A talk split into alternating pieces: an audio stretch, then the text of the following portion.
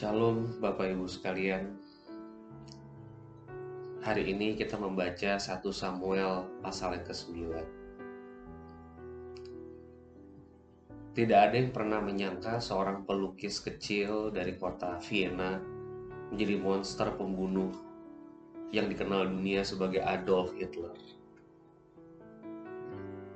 Tidak ada yang menyangka seorang pedagang kerontongan hanya lulusan SMA menjadi suksesor Roosevelt, di kemudian hari memecat Jenderal Douglas MacArthur dan menurunkan bom di Hiroshima, Nagasaki. Harry S. Truman. Saudara coba perhatikan pasal 9 ayat 21. Tetapi jawab Saul, bukankah aku seorang suku Benyamin, suku yang terkecil di Israel? Dan bukankah kaumku yang paling hina dari segala kaum suku Benyamin? Mengapa Bapak berkata demikian kepadaku? Bapak Ibu Saudara, Saul berasal dari suku Benyamin. Dalam saat teduh sebelumnya, suku ini adalah suku yang hampir punah. Bahkan dikatakan bahwa klannya Saul adalah klan atau kaum yang paling hina. Secara fisik kita tahu Saul adalah orang yang tegap. Model orangnya layak untuk dijadikan raja, sebagaimana diinginkan banyak orang di Israel. Tapi kita juga tahu ending dari kisah ini Saul berakhir menjadi raja yang menyedihkan, yang melawan Allah. Oleh karena itu, saudara, apa yang bisa direnungkan dalam kisah pembukaan Saul ini?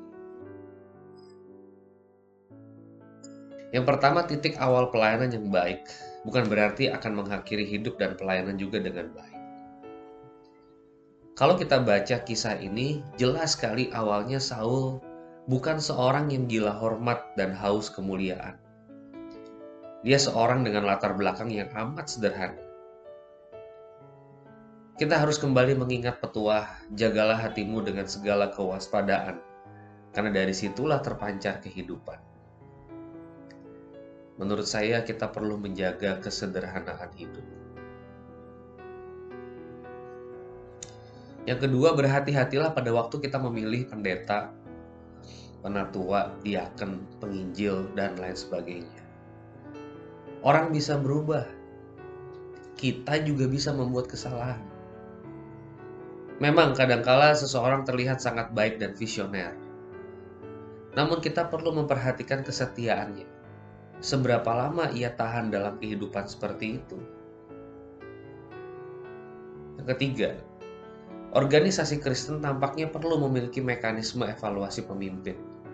Apabila seorang pemimpin berubah setia, maka gereja perlu mengambil tindakan dengan berani. Hal ini dilakukan demi keselamatan banyak orang. Dan yang keempat, hanya Tuhan yang tahu kehidupan manusia sampai titik akhir. Setelah kita menilai seseorang, maka kita juga harus menilai diri kita sendiri.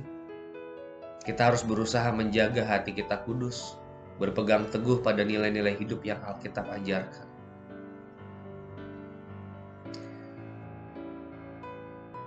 Di akhir renungan ini, saya ingin kita merefleksikan ulang ke cerita kejatuhan Raffi Zakarias.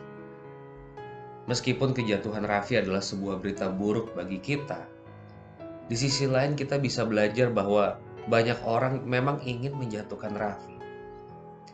Jadi bagi sebagian orang berita ini menyenangkan. Pertanyaan refleksi bagi kita, apa perasaan kita tatkala pemimpin Kristen jatuh? Kita bersuka cita di dalamnya, atau kita ikut merasakan duka cita? Kejatuhan satu pemimpin Kristen adalah sebuah noda bagi kekristenan. Kita perlu saling mendoakan, bukan saling menjatuhkan. Tuhan kiranya mau menjaga hati kami kudus, supaya kami selalu menaruh pikiran dan perasaan di dalam Kristus Yesus.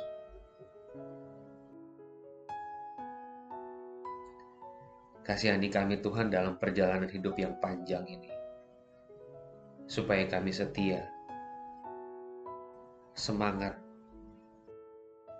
melakukan segala sesuatu sesuai dengan panggilan yang Allah berikan. Tuhan, jagalah hati kami.